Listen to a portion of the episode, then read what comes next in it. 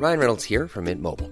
With the price of just about everything going up during inflation, we thought we'd bring our prices down. So to help us, we brought in a reverse auctioneer, which is apparently a thing. Mint Mobile unlimited premium wireless. Ready to get 30, 30, bit to get 30, bit to get 20, 20, 20, bit to get 20, 20, bit to get 15, 15, 15, 15 just 15 bucks a month. So, Give it a try at mintmobile.com slash switch. $45 upfront for three months plus taxes and fees. Promo for new customers for limited time. Unlimited more than 40 gigabytes per month. Slows. Full terms at mintmobile.com.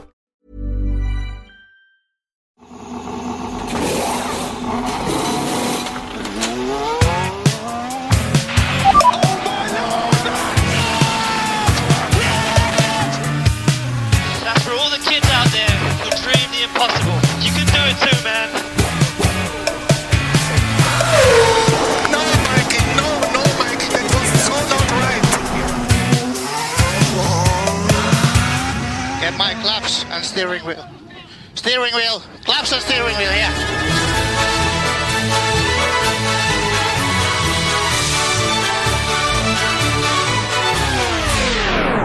Ja du Anna Andersson, vi har en eh, World Champion för andra gången på två säsonger i rad. Max Verstappen är alltså klar vinnare av Formel 1 år 2022 efter Japans Grand Prix.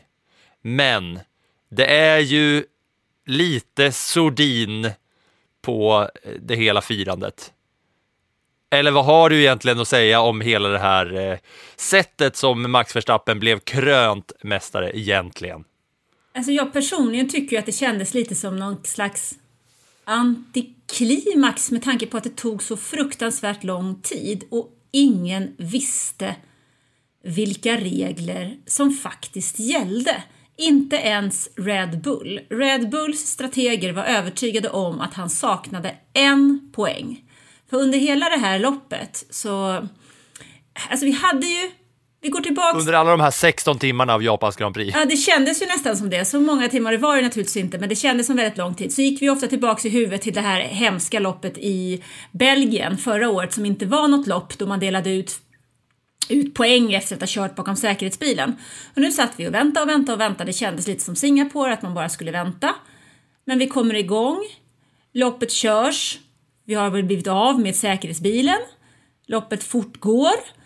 Och Verstappen tar ledningen. Det räknas ner varv. Vi hör hur tv-kommentatorer, vi läser på sociala medier. Överallt är informationen att ja, först så är det då 25 poäng och sen är eller 25 procent av loppet som ska köras och ett visst antal poäng och 50 procent, ja och hur långt har vi kört? Efter han går i mål så är vi fortfarande då, har vi känslan av att det gäller den här speciella regel Eh, förändringen som man bestämde sig för inför säsongen efter Belgiens GP. Att så här ska det vara och det är det här som gäller när vi har ett avbrutet lopp.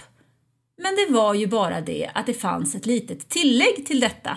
Och det var ju att om loppet avbryts och inte körs i mål så är det det här som gäller. Om loppet avbryts och sen kör på mål i klocka, ja men då är det alltid fulla poäng som gäller. Men det var det ju ingen som talade om. Och det är ju en sak om jag eller alla våra lyssnare som eh, vi kan kalla Drive to Survive-generationen inte riktigt har koll på regelboken. Men när inte ens förarna själva har en aning om vad som gäller. När Max Verstappen står själv efter att ha vunnit Japans GP och inte har en aning om ifall han är mästare eller inte, då är det ju ett stort problem som eh, Fia har på sina händer och sporten i sig. Ja men alltså det, på något sätt, Red Bulls strateger har ju tagit det ena och det andra järva och smarta beslutet under hela säsongen. Men de vet inte vad som gäller här utan de är övertygade om vad som gäller. Och idag så läste jag faktiskt ett tweet från Andrew eh, Benson som är en otroligt duktig F1-journalist. Och han har gått tillbaks och tittat i det dokument som finns från världsrådets möte i februari när man bestämde detta. Och där står det inte heller någonting om att reglerna enbart gäller när det flaggas rött och inte avslutas. Det står inte. Så någonstans har det ju blivit ett litet fel när man har skrivit de här reglerna, för man har ju inte skrivit klart vad det är som verkligen gäller. Fia hade ju eh, möjligen koll efter en stund kanske. För egentligen så borde det ha varit så att när man meddelar att Charles Leclerc har fått ett fem sekunders tidsstraff, vilket gör att han ramlar ner i resultattabellen och gör att Verstappen då vinner med den poängmarginal som han behövde. Då skulle ju ta med 17 hela TV-skärmen ha liksom exploderat i orden eh, World Champion, Double World Champion, World Champion, Double World Champion. Det skulle inte komma som någon slags eh, bisats. Nej, varken för tittarna, fansen och framförallt då för honom själv. Alltså stå, stå där och vänta liksom i 20 minuter. Är jag världsmästare? Nej, eller är jag inte? Har jag vunnit en titel? Eller har jag vunnit två? Intressant att han har vunnit två titlar och båda gångerna har det ju varit dunkla moln över hans eh, sätt som han blir eh, mästare nu då. Alltså den här säsongen i sin helhet i sig har det ju aldrig varit något snack om saken. Han vann ju i princip titeln i Frankrikes GP när eh, Leclerc klantade, klantade ut sig. Då var det ju i princip klart. Men för hans egen eh, skull eller del att han är nu den här säsongen framförallt överlägset den bästa i den bästa bilen i det bästa teamet.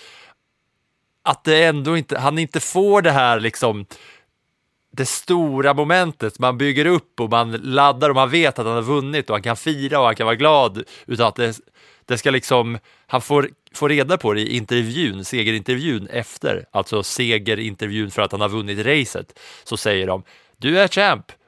Och då försvinner han bort och jublar med teamet och sen är det lite oklart ännu senare Ja, men igen. det är det ju, för att teamet fattar ju inte i det läget. Han får, Johnny Herbert som gör intervjun säger ju att du är dubbel världsmästare. Och jag när jag satt och tittade på det där kände att, jaha, är han det? För hade, i och med att det inte hände någonting annat i tv-rutan eller kom någonting annat, det kom inte ens en tweet från F1 att han hade vunnit, ingenting, så kändes det som att, vänta, sa han rätt här nu?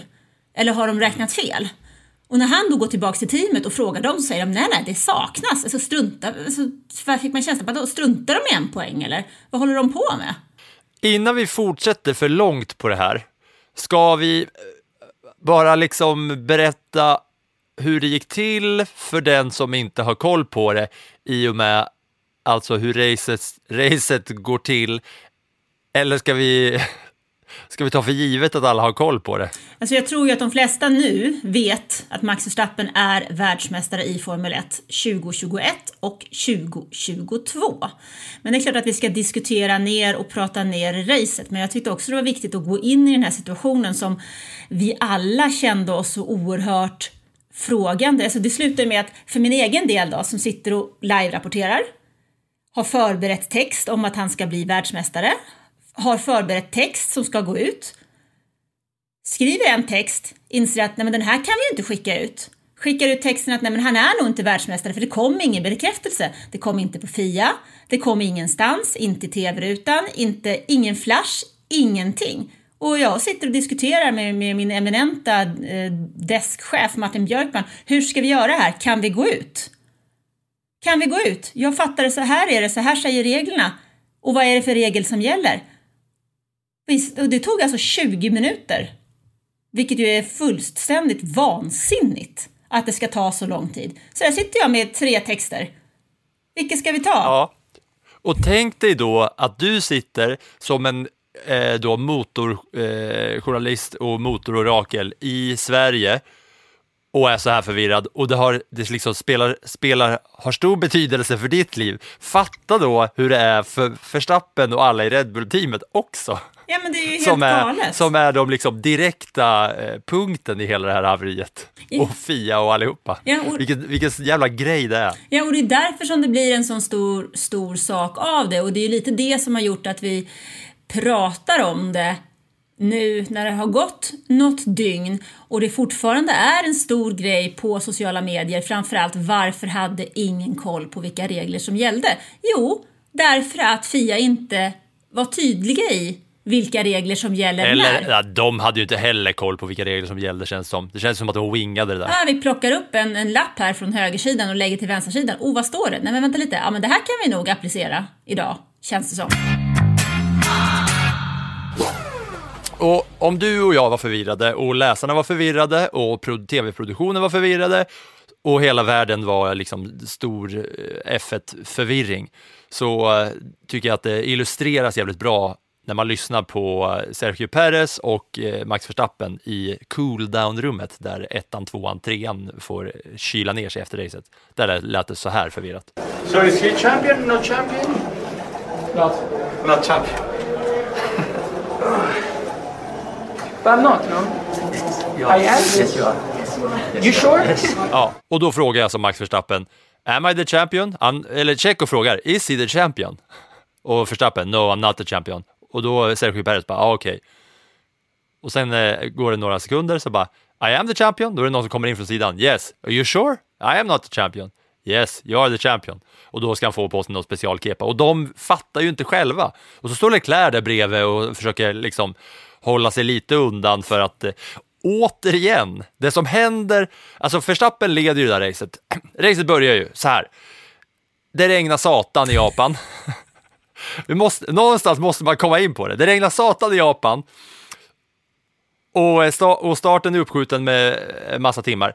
Eh, Leclerc och Verstappen längst fram. Leclerc tar starten trots att Verstappen har pole. Men Max Verstappen visar ju verkligen att han kan, han, han är liksom, det var så illustrerande att han, han kör liksom lite bättre än Leclerc när han tar tillbaka den där eh, platsen precis i starten. För Leclerc tar ju starten tydligt. Då kör Mark, eh, Verstappen en eh, snygg och jävligt eh, vass omkörning av Leclerc och sen håller han då eh, första placeringen under hela racet trots massa omstart eller massa röd flagg och hit och dit. Men sen mot slutet så är det ju så att det är ju en jävla kamp mellan Sergio Perez och Leclerc där Perez pushar Leclerc till att i absolut sista chikanen innan, eh, innan målrakan så klantar sig Leclerc efter att ha kört eh, ja, alla de här varven. Så han får eh, upplåsning och kör utanför banmarkeringarna, tar en liten genväg så han ändå kommer ut före Perez. Perez har då högerfart och ska enkelt köra om Leclerc. Men då svänger Leclerc ut till vänster där va? och verkligen bara stoppar Perez från att köra om. Och då går de ju i mål som etta Verstappen, tvåa Leclerc, trea Perez. Och i det läget, och framförallt då med, med tanke på att man inte vet hur många procent av poängen som ska delas ut, men så går ju ändå Leclerc in som tvåa. Och på så sätt så är det ju inte helt klart att Verstappen har vunnit för att Fia måste ju dela ut en bestraffning då vilket man var ganska säker på att de skulle göra en fem, fem sekunders bestraffning, vilket var det Leclerc fick för att göra det. Så då blir det Verstappen etta, Perez tvåa och Leclerc trea. Och jag tycker det är så jäkla roligt att det på ett sätt ändå, visst, Verstappen och Red Bull har ju kört hem den här segern eh, själv, alltså de har ju varit så överlägsna på ett sånt bra sätt under hela säsongen, men att det ändå är det absoluta nådastöten eller det avgörande, spiken i kistan, är ändå att Ferrari trots allt ger titeln då direkt. Det som händer är att en Ferrari-bil klantar sig och direkta konsekvensen blir att Max blir champ. Mer än att de hade kört ett vanligt race, Leclerc hade kommit tvåa, Verstappen hade blivit champion by points. Men nu är det så jävla roligt att hade inte Leclerc klantat sig och gett bort titeln till Red Bull eh, här så hade det ju blivit senare. Det tycker jag var kul. Ja, men det är ju, en, det är ju på något sätt så otroligt symptomatiskt för hela säsongen att eh, Ferrari gör misstag. Och nu gick du ju igenom det här racet som tog en evinnerlig tid i någon slags eh, rekordfart. Ja, jag gick bara igenom de här tre bilarnas eh, stora moment i start och mål. Sen är det ju ett helt mm. lopp däremellan. Mm, och en massa väntan. Men det som, det som, om vi ska titta på det med lite mera eh, vad ska vi kalla för, helikopterperspektiv, lite mera eh, detaljerat så är det ju så att i den här starten som du beskriver så otroligt noggrant så är det de två som håller sig på rätt plats för det händer ju en väldigt många saker under det första varvet på andra delar av eh, banan. Eftersom det är så att det regnar ju väldigt mycket. Det är sagt att man ska starta på intermediates. Man kör en vanlig start men regnet som skulle kommit senare på eftermiddagen kommer tidigare och det regnar i en ganska strid ström. Det är ju liksom ingen, inget skyfall utan men det, bara, det fylls ju på hela tiden. Och under det här första varvet så passar ju då Carlos Sainz i den andra Ferrari-bilen på att göra ett misstag. Vilket gör att han far iväg ut över banan och är ju helt borta från racet. Han är ju det är vattenplaning på honom. Ja, det är, ju en, det är ju en bidragande orsak till att det blir den här rödflaggen. Det flaggas ju av efter tre varv. Det är flera eh, förare som försvinner där, bland annat eh, eh, Alexandra Albon också. Och det är andra incidenter, Joe snurrar, Fettel snurrar, alltså det händer en hel del grejer. Så det var egentligen inte, kanske inte helt rätt att starta det där loppet där när man gjorde det, i alla fall kanske inte på de däcken som man valde att göra. Men det gör ju att Ferrari har ju tappat en av sin, ett av sina starkaste kort. Redan efter liksom ett halvt varv så är den ena bilen borta och den håller den andra eh, så, så, emot så mycket han bara kan. Ja, men... Det var en jävla bra kamp mellan han och Perez länge. Ja men det var det ju. Eh, men det är ju tydligt att, eh, att Leclerc tappade mer och mer ju längre loppet gick. För Perez kom ju allt närmare och närmare. Han åt ju på något sätt var det som att han käkade upp det där avståndet och bara kom närmare. Men det är på något sätt, det är ju symptomatiskt för Ferrari den här säsongen att man har hela tiden nästan. När det är någonting som kan gå fel så går det fel också. Ja, och just att det är Eh, att det är de som, det känns som att Leclerc står där och bara, ja, ja, här får du den då, pokalen, hela, eh, hela den grejen. Men, eh, ja, Verstappen då, two-time world champion, det är han nu. Nu är det liksom, det är dagen efter, det har lagt sig lite med förvirringen och det har väl klargjorts lite hit och dit. Men nu är det i alla fall så att han, han har vunnit i år och han har vunnit förra året, två säsonger i rad. Ja, det är ju bara att gratulera. Alltså, han har ju gjort... Det han vann i fjol var ju väldigt eh, omdiskuterat. Ja, det var ju mer, förra året var det kontroversiellt, den här gången var det bara snurrigt. Ja, jo, men så kan man väl förklara kanske. Men, men förra året var ju väldigt omdiskuterat och i och med att de hade den här fighten in i det allra sista loppet förra året så väldigt länge så tänkte jag och trodde väl kanske att det inte skulle vara så att Red Bull skulle vara så oerhört starka under den här säsongen. Eh, men här hade man ju problem under början av säsongen med tillförlitligheten men sen har man gjort så otroligt många saker väldigt rätt. Alltså man låg ju nära maxet i början men gick över gränsen och tillförlitligheten funkar ju inte riktigt. Det var ju det som hände under början av säsongen och Ferrari var klart bättre. Men sen har man ju tagit, gjort rätt uppdateringar, man har tagit rätt beslut, man har jobbat som ett team där kuggarna har satt, man har haft bra depåstopp, man har tagit vara på varje människas egentligen eh, yppersta potential och byggt ihop det till ett starkt lagbygge. Och där ligger ju också Max Verstappen i det som har kört mycket mera moget i år. Han har gett en lugnare känsla och egentligen så är det ju bara en helg när allt har gått helt åt fanders och det var ju då förra helgen i Singapore men då hade han ju redan byggt upp ett så stort försprång så att han ändå kunde vara lugn i det på något sätt inför den här helgen. Så att han har ju tagit, han har ju utvecklats, teamet har utvecklats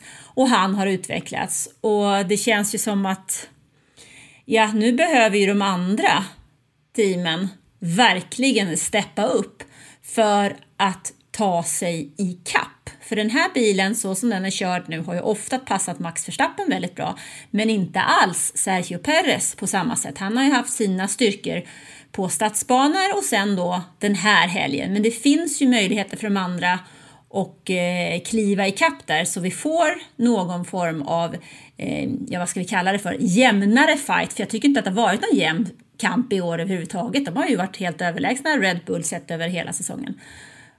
Ja, och framförallt Max Verstappen, han har ju liksom vunnit på alla sätt det här eh, året.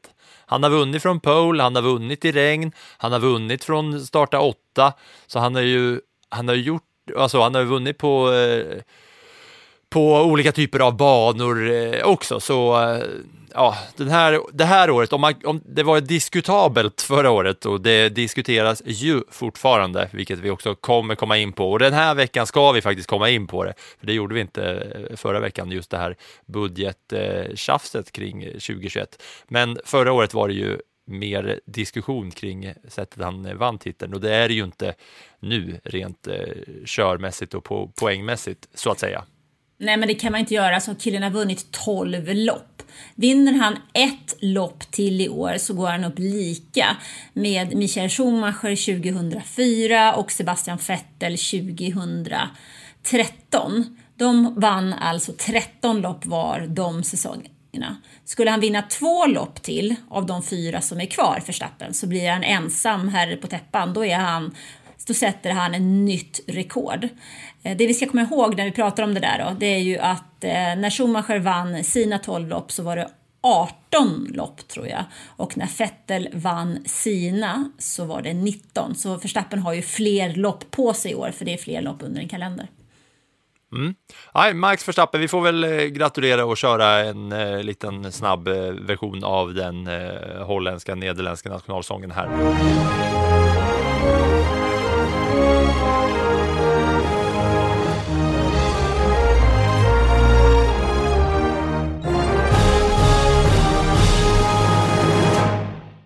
Den har man hört några gånger, den där eh, nationalsången när Max Verstappen står högst upp på podiet. Har du, gillar du den?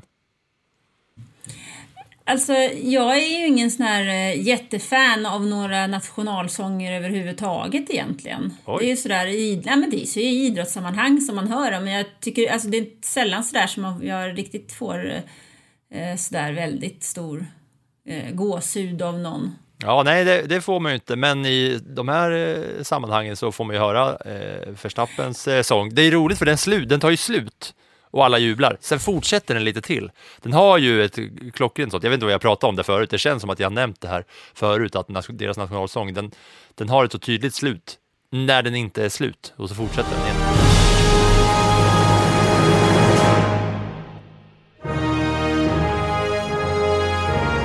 Är ju som du har hört den eh, österrikiska då ganska många gånger också. Nej, varför skulle jag ha hört den? Österrikiska nationalsången, den har man väl inte svin... Ja, just det, för att det är Red Bull, den körs ju efter, men vad fan, då har man väl zonat ut och bör köra väl. Det man... då, har, då har du slutat lyssna? Ja, ja, jo, men då, då har jag zonat ut, eh, det får man ändå säga. Nej, men det är kul, det är kul, alltså, det är kul, med, det är kul med nationalsånger, för när man pratar med folk som inte är intresserade av sport, så har ju inte de någon aning om hur olika nationalsånger låter. Kanske att man känner igen eh, USAs, kanske att man känner igen något av Marseljäsen, men annars är det ju så här, ju, man känner ju igen det man, på grund av att man har sett så mycket sport och fotboll och hockey och så här, man, man kan ju nationalsånger. Man känner ju, känner ju igen dem, men det gör folk. Ja, det... Folk kan knappt den svenska texten alltså. Ja, det tycker jag är lite märkligt då, för den eh, har man ju lärt sig. Ja, ja, alltså, jag, min tjej, jag tror, inte, jag tror inte hon kan texten på nationalsången. Alltså. Det är synd att hon inte är eh, hemma nu, skulle man kunna fråga henne, se om hon hade kunnat det. Men det tror jag, det är alltså, sådana som inte är så intresserade av sport har nog inte, ja, jag tror fan inte folk kan texten alltså. Ja, men det är väl för att man kanske då, jag är också uppvuxen i en, en sportvärld och har ju faktiskt haft äran att sätta på mig den där gulblåa tröjan och lyssna till nationalsången och då var man ju tvungen att sjunga också såklart. Um, det här är något um, som du borde berätta mer om, både att du bollar upp lite för att du borde berätta mer om det och för att det är ju, eh, blir man ju nyfiken ändå. Hur många landskamper har du? Alltså på, eh, det är ju mest på ungdomsnivå. Ja, landskamp som landskamp. Jag vet inte, men jag ska tippa att det är runt 20. Ja, kanske men, att alla eh, inte visste om det. Eh, men eh, det är mycket möjligt att de inte visste det. Men eh, i alla fall, så, men jag tycker väl någonstans så det häftigaste kan jag säga, det var ett minne från något VM i handboll 2001 när jag var och jobbade. Så var det en final mellan Sverige och Frankrike. Och trycket i den arenan, Sverige var ju då världsnation i handboll, möter Frankrike i Paris. När var det sa du? 2001. Ja, det är ändå gamla goda handbollstiden. Ja, ja, det var ju Stefan Löfgren och Staffan Olsson och Peter Gensel och Jubomir Vranjes och Bokvist gänget. Och... Liksom. Ja. Så, så, att, eh, och det, det var nog första gången som jag verkligen stått på en, en, eh, en arena och verkligen fått gåshud när, den, när Marseljäsen spelades med de tusentals människorna på läktaren. M mer mäktigt med Marseljäsen än svenska, eller hur? Alltså svenska nationalsången har jag ju tyckt, den, fast å andra sidan, EM i handboll 2002 var det väl, i Globen när Sverige slog Tyskland i finalen. Den nationalsången, den svenska, var rätt mäktig den också faktiskt. Ja. Min, eh, min överlägset mest mäktiga nationalsångstund var öppningen av EM 2012 mot Ukraina i Ukraina, i Kiev, när, eh, när ukrainarna gastade på med, med sin där på, på öppningsmatchen i Ukraina mot Sverige. Alla var allt knallgult på läktaren, båda lagen, 80 000 pers och, och de sjöng liksom från djupare än botten av hjärtat och sina liksom sina, sin landshistoria när alla vrålade satan där. Då hade jag, då, kunde, då tappade jag verkligen, alltså bokstavligen, hakan och åkte ner mot bröstkorgen och jag höll upp armarna och kollade på gåshuden när Ukraina sjöng nationalsången där och då. Men där tycker jag det är lite skillnad, för de gånger jag har haft eh, glädjen att vara på Formel 1 eh, och man ser eh, det är nationalsånger och sånt efteråt. Det är ju sån stor yta.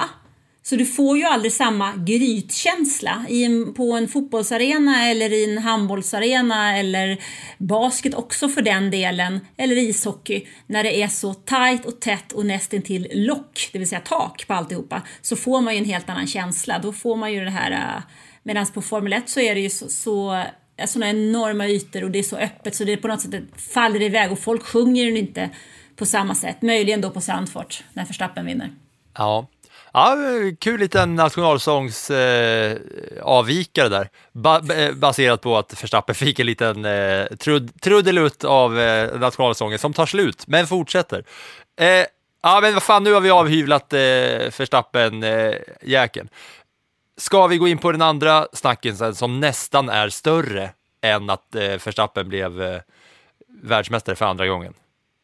Ja, det tycker jag, för där känner jag att jag faktiskt blir väldigt upprörd. Och du är inte ensam om att bli upprörd om den grejen, för hela Formel 1-världen har ju kokat av vansinne kring traktorn som var ute på banan och lyf, boxerade, eller lyfte bort eh, Carlos Sainz bil. Och det börjar ju, ja, det, det spårade ju ur när Pierre Gasly kom åkandes och har efteråt berättat att han eh, feared for his life och att eh, han säger att om jag kör på den där så är jag död. Eh, vi kan väl lyssna på hur det lät när Pierre Gasly kommer i hög fart i knallregn som gör att man inte ser mer än en och en halv meter fram och på vänster sida av banan så står det inne på banan en stor traktor och lyfter bort eh, Carlos Sainz bil. Så här lät det. Okay, confirmed. We have a few cars gonna pit. A few cars are gonna pit. We think from where you comes. Red flag. God, what the, what the? Yeah, what is this tractor? What is this tractor on track? I will pass next to it like, this is unacceptable. Remember what's happened. Can't believe this. Ja, minst sagt upprörd Pierre Gasly för att man ser ju, man, alltså, det är ju en video till det här ljudet som jag och Anna har kollat på och det är ju verkligen så, han kommer ju i en jäkla fart och det är bara tur att han ligger till höger för att annars så står det en stillastående traktor där när han kan komma i, ja vad kan det vara, kan man köra i 170-200? 250 tror jag till och med han körde, tyckte jag såg någon siffra någonstans. Mm. Det som det som är är ju att han var ju den enda som reagerade och som såg den där. Det var ju flera andra som körde förbi också och inte såg den. Jag vet Ja. att jag noterade att det blinkade till vänster. Tänkte, vad är det där? För att Men det ser man inte Nu- på Gasly-videon att det blinkar till vänster. Nej, alltså Nej, från Gaslys, inte. Hjälmkamera. på tv-bilderna så såg man någon slags, någon liten lampa, men sikten i det här fallet är ju bedrövlig. Alltså det, det är så mycket spray från bilarna framför att det är svårt att se. Och det var svårt, att se- oavsett vilken hjälmkamera du såg, så var det ju svårt att se. Det måste varit fruktansvärt att köra bilarna i det här läget och då är det ju... Alltså det, det finns inte att man kör in ett räddningsfordon när det fortfarande kör bilar på banan i de väderförhållandena. Det får inte lov att köra in någonting på banan när det är racerbilar i rörelse. För du kan få en sladd var 17 som helst. Och det som stör mig mest är ju att i Japan år 2014 så hände det ju en fruktansvärd olycka. Mm. Och, och det där ska du få eh, berätta om. alltså det här är ju efter att eh, Sainz har, har eh, kraschat, det kommer in en traktor på banan och vad kan en sån här traktorrackare väga? Tre ton eller något? Medan en, medan en Formel 1-bil väger 750, 800 kanske, ish, något sånt. Eh, och alla andra bilarna har ju, jag, jag såg en åskådarvideo på det där som är, alltså, det vi lyssnade på här var ju Gaslys hjälmkamera, eller bilkamera, det som är från hans synvinkel. Jag såg en annan i så här jättehögupplöst från, som någon på läktaren har filmat. Eh, när man ser, för alla andra bilar har ju då, när det är regn, och man inte ser mer än sex meter framför bilen, så har ju de sina, de blinkande lamporna på bilen, den framförvarande bilen, framvarande, bilen framför, att förhålla sig till. Så alla åker som på en linje där och följer varandra för att, eh, ja, det har ju varit eh, eh säkerhetsbilar längst fram. Men Gasly har ju, eh, han plockade ju upp en liten extra framvinge där i början, eh, som man inte fick se allt. Han råkade ju plocka med sig en Rolex reklamskylt som låg som en extra framvinge, så han hade ju jävligt mycket downforce, eh, Gasly, innan han fick åka in och bli av med den där eh, reklamskylten. Det såg jävligt roligt ut, det såg ju verkligen ut som att han var en sån en, eh, ja, en plogbil eh, på något sätt, mer än där längst fram. Men han behöver ju köra fort för att och komma ikapp kön, som man ska göra. Och då har ju inte han någon bil framför sig att åka bakom. Och då dyker den där upp bara från, eh, ja, från ingenstans ur eh, hans synvinkel sett. Och efter det här då, så är det ju så att det är många som har det är ganska snabbt att alla börjar prata om we lost Jules because of this och eh, många skriver så här, ja med tanke på det som hände med Jules Bianchi, eh, hur kan vi låta det här hända igen? Och då, eh, om, man är, om man är lite halvny i F1-svängen eh, här, så är det väl kanske ett namn som man kanske har hört någon gång, men, eh, men just i det här momentet så, så är det ju en, med tanke på det här i bakgrunden så är det ju en stor, stor, stor skandal. Och då undrar jag, vad är det som är eh, med Jules Bianchi och det, här, eh, det som har hänt här nu då? Alltså Jules Bianchi, fransman, han eh, tillhörde Ferraris eh, förarakademi och han var väl den egentligen som skulle bli Ferraris stora förare och Ferraris första stora egna förare som eh, man kan säga är en av de första i den här nya akademin som Ferrari har nu. Så var han och honom satte man upp i eh, Marussia hette det teamet. Det var ett eh, ryskt F1-team. Och han gjorde ju inget så här jättestort väsen av sig. Han tog väl typ två poäng eller någonting på sina 34 starter. Så det var ju ingen förare som alla hade koll på. Men då går vi tillbaks till den 5 oktober 2014. Det var dags för Japans GP. Det var usla förhållanden, precis som nu. Och den tyske föraren Adrian Sotil Eh, som jag, om jag inte minns helt fel så körde väl han för eh, Sauber. Och eh, han får en, eh, han får vattenplaning helt enkelt. Och åker av. Då kommer det in en hjullastare för att plocka bort den bilen. Och Jules Bianchi han kör för fort. Det är dubbel gul flagg hade man på den tiden. Och han kör för fort. Och får vattenklarning på precis samma ställe. Han far ju ut, har ingen chans att stoppa bilen eller någonting och kör in under den här hjullastaren. Då kan ju alla ni som eh, vet hur en F1-bil, F1-bil ser ut och såg ut på den tiden när det inte fanns någon halo, förstå vad det var som hände. Han eh, fick, eller de genomgick operationer efter detta men han återfick aldrig medvetandet och han avled sommaren 2015. Och just den grejen är ju att det är på samma bana under samma förhållanden och det är samma sak som händer. Som gör att det är ett, det är ju en skandal oavsett historia då med Jules Bianchi. Men med, med den döds, ja, då får man säga, med det i bagaget så är det ju en ännu större skandal att det en gång till skulle kunna hända samma sak. För skulle Pierre Gasly få, få lite sladdar och åka in, då är det ju det är som man säger, if I hit that I'm dead. Yes, det är, jag, jag, kan, jag kan verkligen inte förstå. Också en fransk förare, det är så jävla många sådana här Ja, men det är en fransk förare och alla de här killarna vet ju mycket, mycket väl vem Jules Bianchi är. Han var dessutom gudfar till Charles Leclerc. Så att man har ju en, en relation till honom. Han var ju den som idag skulle ha kört för Ferrari egentligen. Men han fick aldrig den möjligheten.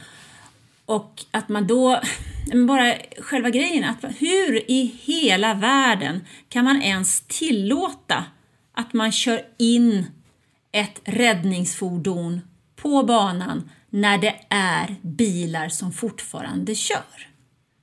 Även om han hade kört i 50 kilometer i timmen och fått sladd så hade det inte varit lämpligt i alla fall. Nej, och många har ju uttalat sig om just det här, alltså under rödflaggen då, för det var ju, eh, det blev ju lång väntan efter det här för, eh, för allihopa, så, eh, så alla förare hade ju snack sinsemellan och var vansinniga alltså i, i depån. Det, det snackades mellan förarna och alla var jävligt upprörda för den här grejen och det var inte bara Gasly som, eh, som var vansinnig här. Nej, men det var ju må många förare var ju med 2014. Det är inte så här jättelänge sedan. Nej. Så 2014, det är ju första året av det tidigare reglementet. Alltså Vettel, Alonso, Hamilton. Det är ju något år liksom innan Max Verstappen kommer till, till F1. Det är ju Perris, alltså de, det är ju en kille de känner. Mm. Eh, och snabbt ute var ju då Jules Bianchis eh, pappa på Instagram som eh, la upp en bild från Gaslys eh, Alfa Tauri-kamera där han har ringat in bild på traktorn i den här extremt dåliga sikten där han skriver “No respect for the life of the driver, no respect for Jules memory” incredible och sen massa eh, sura eh, emojis.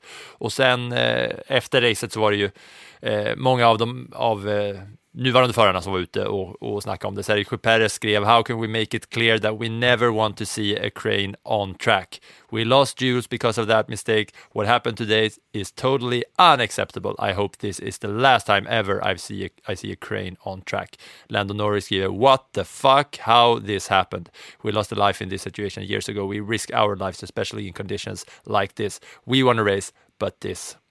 Och George Russell skriver också först, ja, grattis till Max. Eh, två, tack till alla fans som hängde i regnet. Och sist, en traktor ska aldrig få vara eh, på banan när eh, bilar racear. Aldrig någonsin. Och även eh, Carlos Sainz eh, snackar om det vansinne och Christian Horner är också ute och snackar om just det här Jules Bianchi eh, och trodde att, säger att han aldrig trodde att det skulle få hända igen. Det måste bli en mm. full investigation varför det får vara mm. så här. Mm. Eh, Jules Bianchi var ju den första föraren som avled efter en olycka i samband med ett F1-lopp på över 20 år. Eh, dessförinnan var det ju Ayrton Senna. Och han är idag den, eller det är idag den senaste olyckan under ett F1-lopp med dödlig utgång. Då.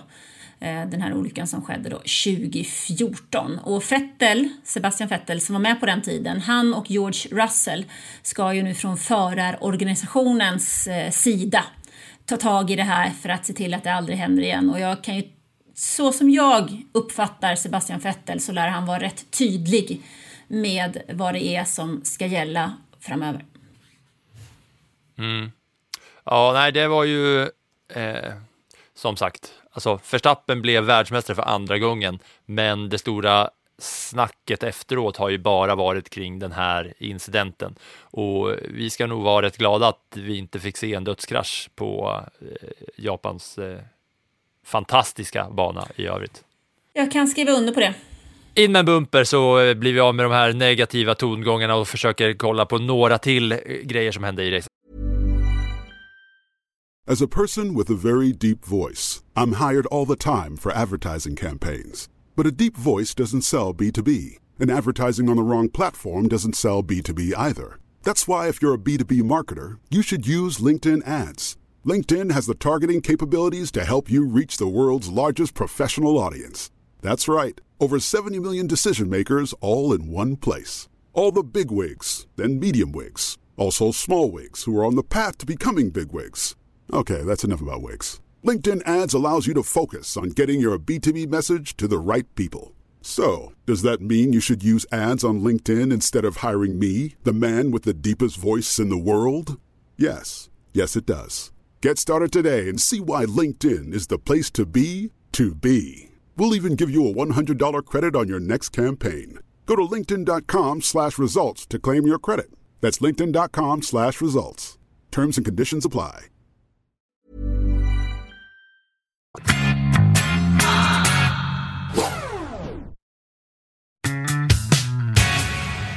Ja, vi var inne på att Vettel kommer garanterat vara vansinnig och med all rätt. Men eh, racemässigt så måste man väl ändå ge honom, han blev driver of the day eh, tror jag för att han sladdade ut i första Eh, precis i starten sladdade ju Vettel ut och eh, han som var så nöjd och så glad över att ha kört så bra och fint i kvalet eh, sladdade runt och blev eh, totalsist.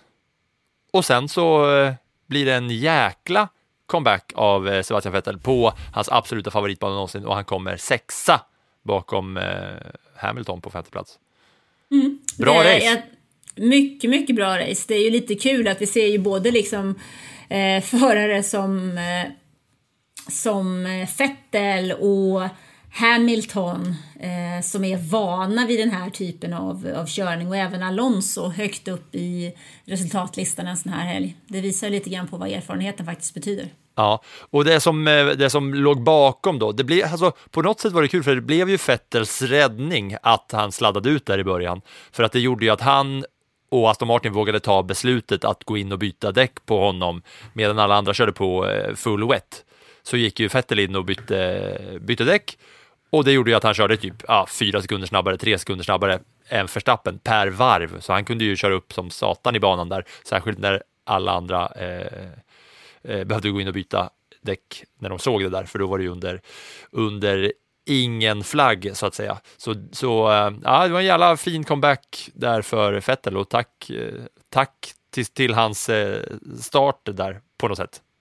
Och en annan som eh, gjorde, tog samma beslut att gå in och byta däck och sen tog sig upp på poängplats är ju the Go Tifi. Latifi gick upp och tog sina första poäng för den här säsongen. Sina, ja, det är väl tredje eller fjärde gången som han tar poäng totalt i karriären. Och det var ju av eh, lite samma anledning. Då. Han klarade ju sig på att eh, han eh, gick in och tog det där beslutet eh, snabbt att byta till intermediates före alla andra. Så eh, Latifi, the GOAT. Yeah ja, det var väl kul för honom att han får avsluta den här, den här F1-säsongen och kanske troligen också F1-karriären med att ta poäng i alla fall. Det Jag tror att det är kul för alla, inte bara kul för honom. Det är kul för alla. Det är kul även för sådana kritiker som mig, att han, att han eh, kliver upp och, och tar två poäng. Och nu är det ju faktiskt så att han tar sig förbi och går upp till plats 20 av 20 möjliga. Han låg ju på plats 21 av 20 möjliga. Nu går han om Nick de Vries för att, vet du varför han går förbi Nick de Vries?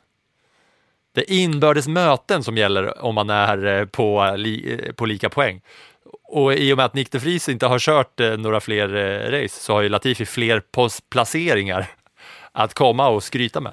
Jag höll på att säga, om det är inbördes möten så har de ju bara mötts en gång. Och då är ju det Fri som borde ligga före. Jaha, ja men då är det inte inbördes möten då. Vad fan, vad fan kan det kallas då? Ja, det är i alla fall eh, totalplaceringar eh, som, som eh, ska avgöra där. Så då tar han sig förbi Nick de Hughes som eh, har kört eh, bara ett race, men ändå låg före Latifi. Så nu är Latifi uppe på sista plats av eh, ja, alla möjliga. Innan var jag utanför. Så jävla bra jobb av Latifi. En annan grej som inte var lika bra jobb av Latifi var ju på träningen under fredagen när han eh, valde fel väg på banan. Inför sista chikanen, det samma chikan där Leclerc bromsade på sig och eh, Perez eh, körde chikanen och kom ut i bättre fart. Sista kurvan, så, eller sista chikanen där precis innan eh, målrakan, så, så kör han in på en väg som inte finns, som ingen annan någonsin har tagit. Och så sladdar han in där och så säger han vi kan lyssna på hur det låter när han, när han kör in där, för det är bara han åker helt själv, ingen framför, ingenting. Och sen så svänger han in på helt fel väg. Och då, då låter det så här.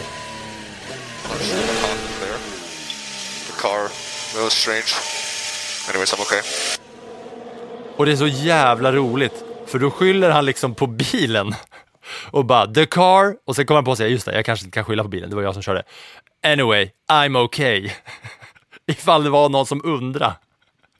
Han kör in på helt för egen, för egen bevåg så svänger han in på fel väg, skyller på bilen, ångrar sig och sen bara, ah just, ah, men det är lugnt hörni, alla, alla som undrar, jag är okej. Okay. Bara på att han körde, det är ingen krasch, det är ingenting. Lågt tempo, han får bara bromsa in.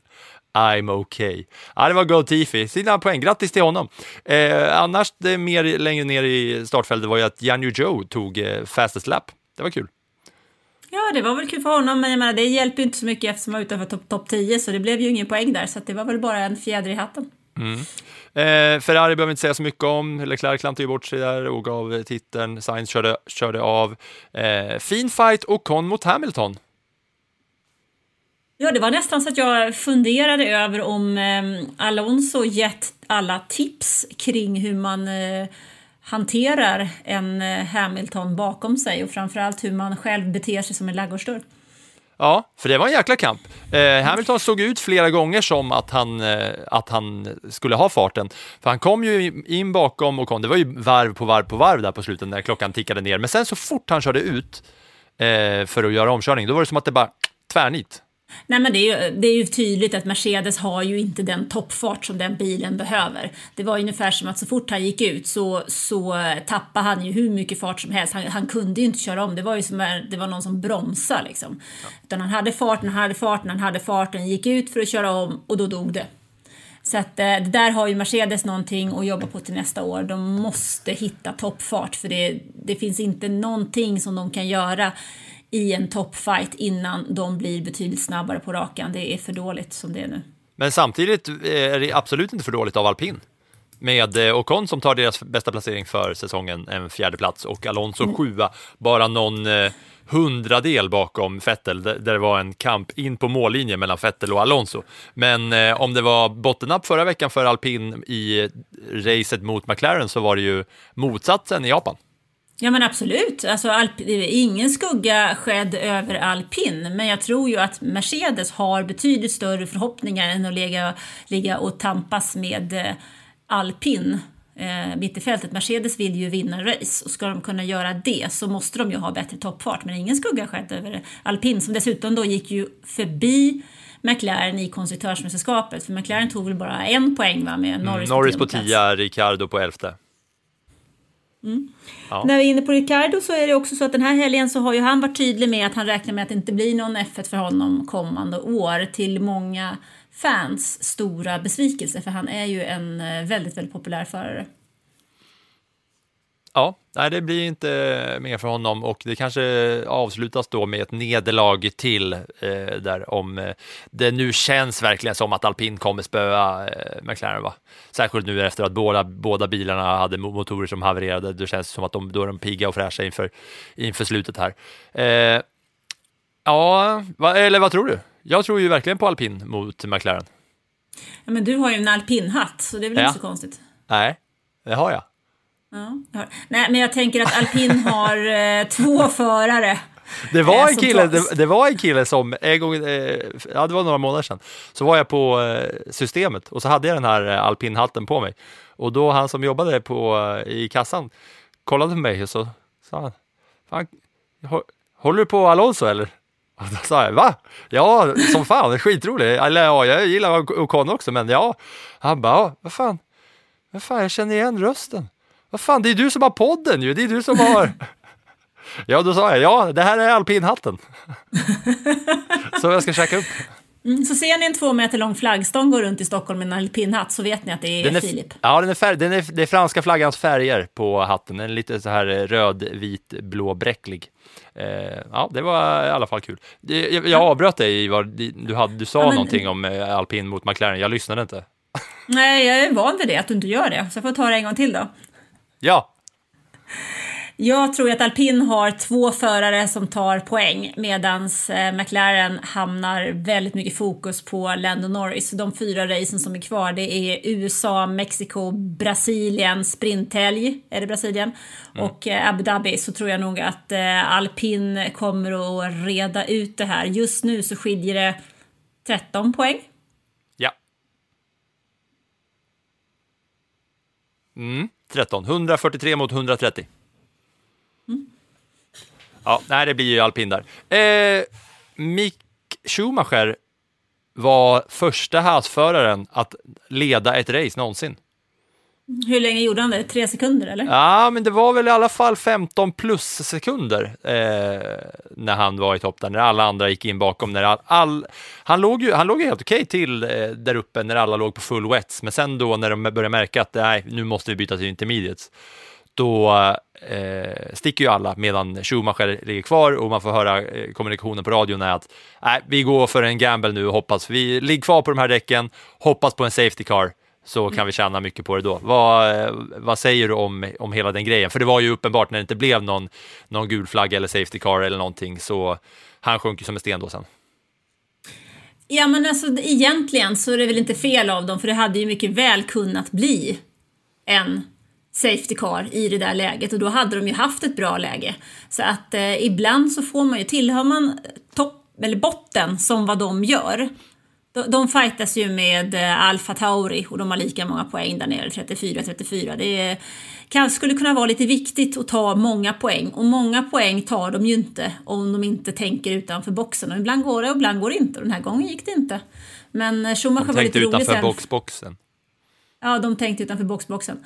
Men eh, Schumacher var lite rolig tyckte jag ändå på sina sociala medier efteråt när han eh, påtalade att han faktiskt har lett ett eh, F1-race i alla fall. Ja, det är ju mäktigt. Som första hasförare eh, någonsin. Mm, och inte som första Schumacher. Nej, det, det kan man fan eh, hoppa upp och sätta sig på. På någon gammal Ja, eh, ja, men det var väl ungefär racet då. Har du något mer du vill tillägga? Nej, eh, egentligen inte. Nu har vi fyra race kvar den här säsongen. Fem om vi räknar eh, sprinten där man får lite poäng också. Men jag hoppas nu verkligen att vi slipper regn.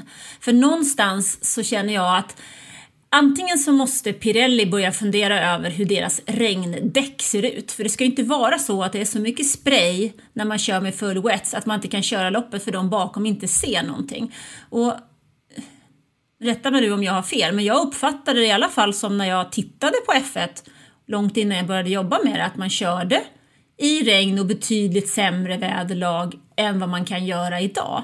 Och där tycker jag nog att de skulle behöva Ja, det finns en klar eh, förbättringspotential i alla fall till vad man kan göra och hur man kan göra. För att det här med att man ska sitta och vänta och vänta och vänta på om man ska starta regnet eller inte och radarbilderna kommer in mer regn eller inte. Alltså, man behöver hitta en bättre lösning än vad det är just nu och där tror jag att däcken är en del av den lösningen. Ja, och särskilt när det är på så mycket uppgång som det fortfarande är sporten Formel 1 för att det har ju aldrig varit så mycket sålda biljetter till racen med nya fans som aldrig har sett ett F1-race någonsin. Och då att risken ska kunna finnas att folk reser jorden över för att se ett F1-race och att det då finns en risk att man blir blåst på hela konfekten så att säga.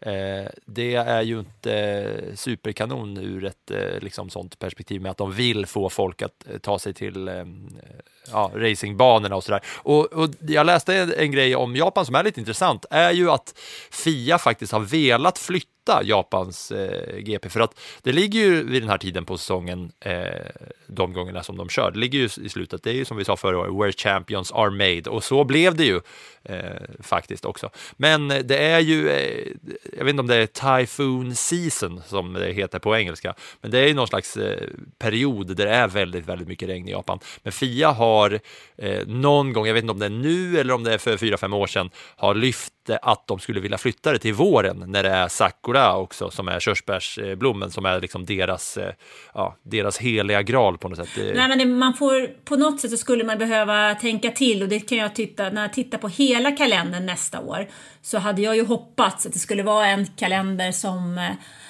andas hållbarhet, framtid och eh, klimattänk. En helt enkelt en klimatsmart kalender, men det tycker jag inte faktiskt inte alls att den har bjudit upp till om man tittar på kalendern för eh, 2023 utan där ligger i återigen liksom eh, lite inkastade race. Så egentligen så borde ju Japans GP i sådana fall kunna ligga i närheten av Australien, Kina, Shanghai innan man åker till Baku på våren i sånt fall. Istället för att lägga det i samband med Singapore och Qatar som man gör till nästa år innan man tar skuttet över till eh, USA. Mm. Ja, det är ju det som är då körsbärsblommen som då heter sakura på eh, japanska. Det är ju i april, eh, mm. början, mitten av april som är den mm. säsongen. Den 16 april ska de köra i Shanghai nästa år. Mm. Hade det inte varit käckt då att ha Sakura någon vecka senare? Perfekt ju. Nu, Anna, ska du få plussa Japans GP. Då ska vi göra det förhållandevis kvickt då eftersom vi har pratat så mycket igen. Ja, ett plus, det går ju till Fia, för jag tycker att det är underkänt att man inte vet vem som är världsmästare när världsmästaren går i mål och att man måste vänta i 20 minuter. Alltså 20 minuter i dagens samhälle, det är ju en hel förbannad evighet.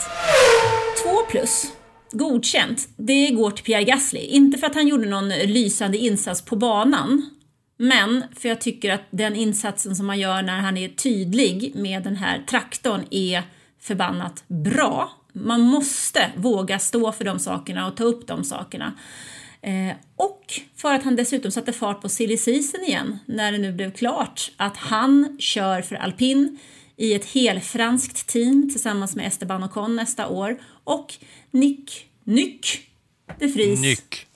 Nyck de Vries tar platsen hos eh, Alfa Tauri. Det kommer bli kul.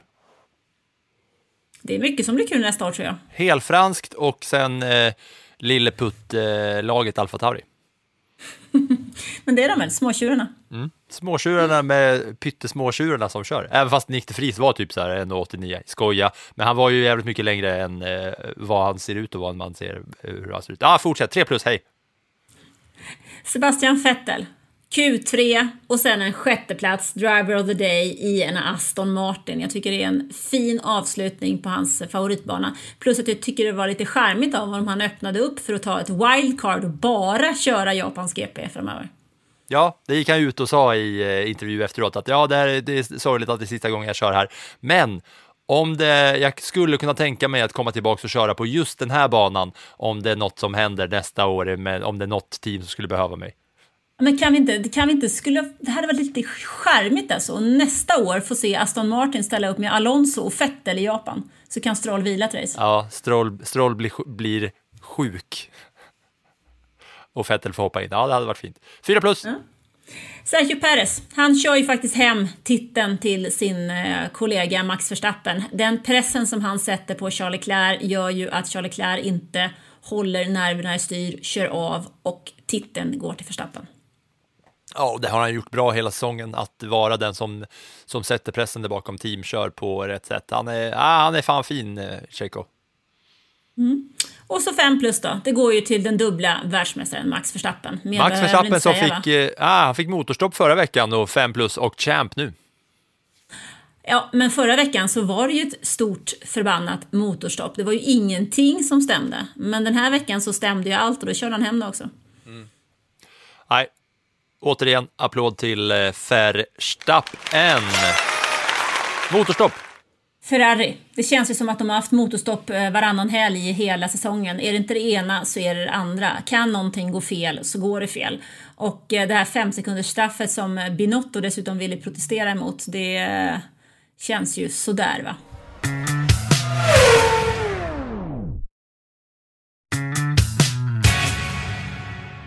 Och nu nuddar vi snabbt budgetkaoset kring 2021 innan vi avrundar det här avsnittet. För att det är ju så att vi förra veckan lovade att vi skulle snacka lite om den stora snackisen om att eh, två team utreds för att ha breachat, överskridit budgettaget från 2021 när de reglerna infördes. Och i sittande poddinspelande stund så är det ju så att Fia har ju kommit ut och meddelat att det ska komma senare under måndagen. Eller hur, Anna? Men vad är det vi, vad är det vi tjabbar med här? Alltså, det var ju under den förra helgen i Singapore som det började sippra ut rykten om att det är två team som har gått över budgettaket för förra året. Det vill säga att de hade lagt ut mer pengar än vad som var tillåtet. Och man satte budgettaket under förra året för att inte utvecklingen av de här bilarna som vi nu kör med skulle kosta för mycket. Och så pratas det då om att det är Red Bull och att det är Aston Martin. Och Lewis Hamilton var ju inte snabb, eller var inte långsam med att påpeka att eh, han redan under förra året funderade över hur eh, i hela friden Red Bull kunde komma med uppdateringar hela tiden medan han fick sin, sin sista uppdatering på Silverstone, typ. Eh, så att det är många som pratar om det, pratar om det, pratar om det. Och vad är det egentligen då det innebär? Ja, det vet vi inte. Det är en annan sån där FIA-grej. De har ju bara sagt att man blir bestraffad ordentligt om man har brutit mot den här regeln som egentligen inte är en regel, det är ett budgettak. Så om man har betalat för mycket pengar så kommer man att bli bestraffad. Men vad? Hur man blir bestraffad? Det är det ingen som säger. Handlar det om att man kan, kan han bli av med VM-titeln från i fjol, Verstappen? Blir eh, Red Bull diskvalificerade? Eller är det böter det handlar om? Eller blir man av med poäng i år? Eller blir man av med tid i vindtunneln till nästa år? Ingen vet. Det enda vi inser, alla som är någorlunda intresserade av F1, är att det måste ju vara en väldigt tydlig bestraffning som gör att ingen får för sig och leka med sina bolag, för det är säkerligen det som har skett. Alltså man flyttar folk och pengar mellan olika bolag så att det inte ska synas riktigt, för sen måste man ju lämna in alla papperna till Fia och så går de igenom det här. Det är, Men... riktigt eh, topprevisorjobb att vara revisor för ett av de här F1-teamen, för att det handlar ju om att fiffla på barcelonskt sätt för den som eh, kan sin silly season och eh, fotbolls eh, ja, nutida historia. Ja, men det handlar ju om att eh, man, man, får inte ge ut mer pengar och de har ju flera olika. De team som har till exempel har eh, egen tillverkning av motorn, de har ju flera bolag liksom. Eh, och så flyttar man saker hit och dit för att det ska se ut på rätt sätt. Men till syvende och sist så handlar det om att Fia måste ju sätta en gräns för vad som är tillåtet eller inte. För om det nu är så att de har fifflat och inte straffas så kommer ju alla andra också att fiffla framöver. Då är ju ett budgettag helt verkningslöst och ger det ju ingenting överhuvudtaget och då kommer vi se samma enorma utgifter som tidigare plus att det kommer bli en enorm konflikt mellan teamen för bara att hitta det här budgettaket var ju enormt krävande både när det gäller energi och eh, när det gäller hur teamen eh, bestämde sig för att gå med eller inte med. Det var ju jättetuffa förhandlingar tills man ens fick fram det. Ja, och fatta Mercedes vansinne nu om det visar sig att Red Bull har eh, överskridit det med stor marginal. Och då får de reda på att ja, det blir böter på den summan som ni har eh, överskridit. Liksom. Ja, men Mercedes hade, ju säkerligen, ja, Mercedes hade ju säkerligen kunnat lägga ut samma pengar själva. Det hade ju naturligtvis även Ferrari kunnat gjort. Men man valde att inte göra det för att hålla sig inom det reglemente som finns. Och det där är ju det som, som eh, kommer att diskuteras. Och det skulle kommit ett besked onsdagen innan Japans GP. Det sköts upp till måndagen, men ni som följer sporten vet ju att när Fia säger att något ska komma så är det inte säkert att det kommer, för det kan hända att det händer något annat på vägen.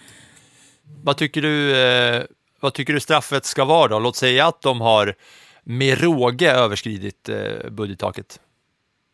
Red Bull alltså. Alltså i min värld så räcker det inte då med att säga böter för alla kan plocka fram pengar. Då måste det vara något betydligt tuffare som eh, någon form av eh, diskvalificering. Sen om den ska gå till föraren, eh, det är jag inte helt övertygad om att jag tycker är rätt ändå. Eller om det ska gå i konstruktörsmästerskapet. Den är svår, men jag tycker att det, ska, det måste vara ett så pass hård och tuff eh, bestraffning att det inte händer igen. För annars så hjälper ju inte det där taket. Då kommer ju alla att skita i det. Ja. Det känns som att Fia skulle kunna ge eh, Red Bull och Max Verstappen avdrag på 7 poäng. För att förra året så hade Lewis Hamilton 387,5 poäng och Verstappen 395,5 poäng. Så att de bestraffar honom med precis den poängskörden som, eh, som gör att han vinner med en poäng för att slippa eh, allt annat. För att skulle de vara hårda här, Alltså om det, om det är ett liksom ordentligt övertramp, eh, överträdelse av, av reglerna eh, och skulle liksom, ja, om, om det skulle vara poängstraff eller om det skulle vara diskval diskvalificering, då blir det ju så att då är inte Max Verstappen eh, champion 2021 utan bara 2022. Och Man sen kan- om man drar det ännu längre så är det att då får, de får ju massa, de får massa premier och vinstpengar för att ta, ta hem mästerskapet och då har de ju fått dem på felaktiga grunder också så att säga. Ja, och det var lite så man gjorde. Jag vet inte om du minns eh, när det var det 2007 när det var den här stora kopieringsskandalen, Copygate, när eh, Ferrari hade gett, eh, någon medarbetare på Ferrari hade gett material och papper till någon medarbetare på McLaren. Det slutade ju faktiskt med att McLaren inte eh, räknades och diskades alltså från eh, konstruktörsmästerskapet. Det var rätt mycket pengar. Som de, det handlar ju inte direkt om 250 spänn direkt som de eh, vart av med där utan det var ju en, en stor summa.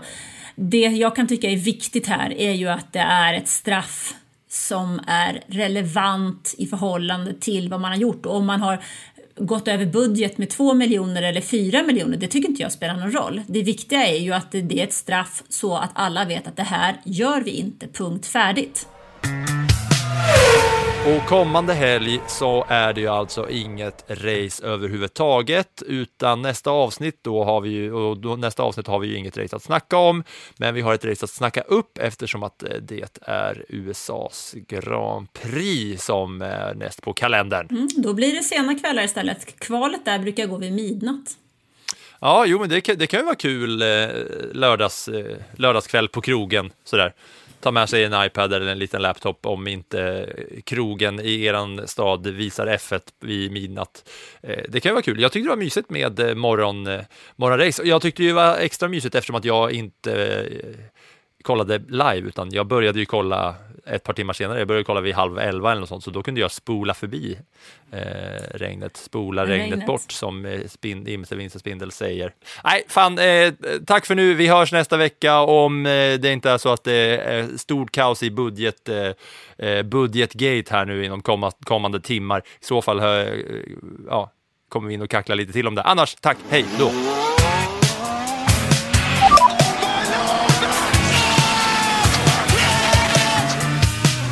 So is he champion, no champion?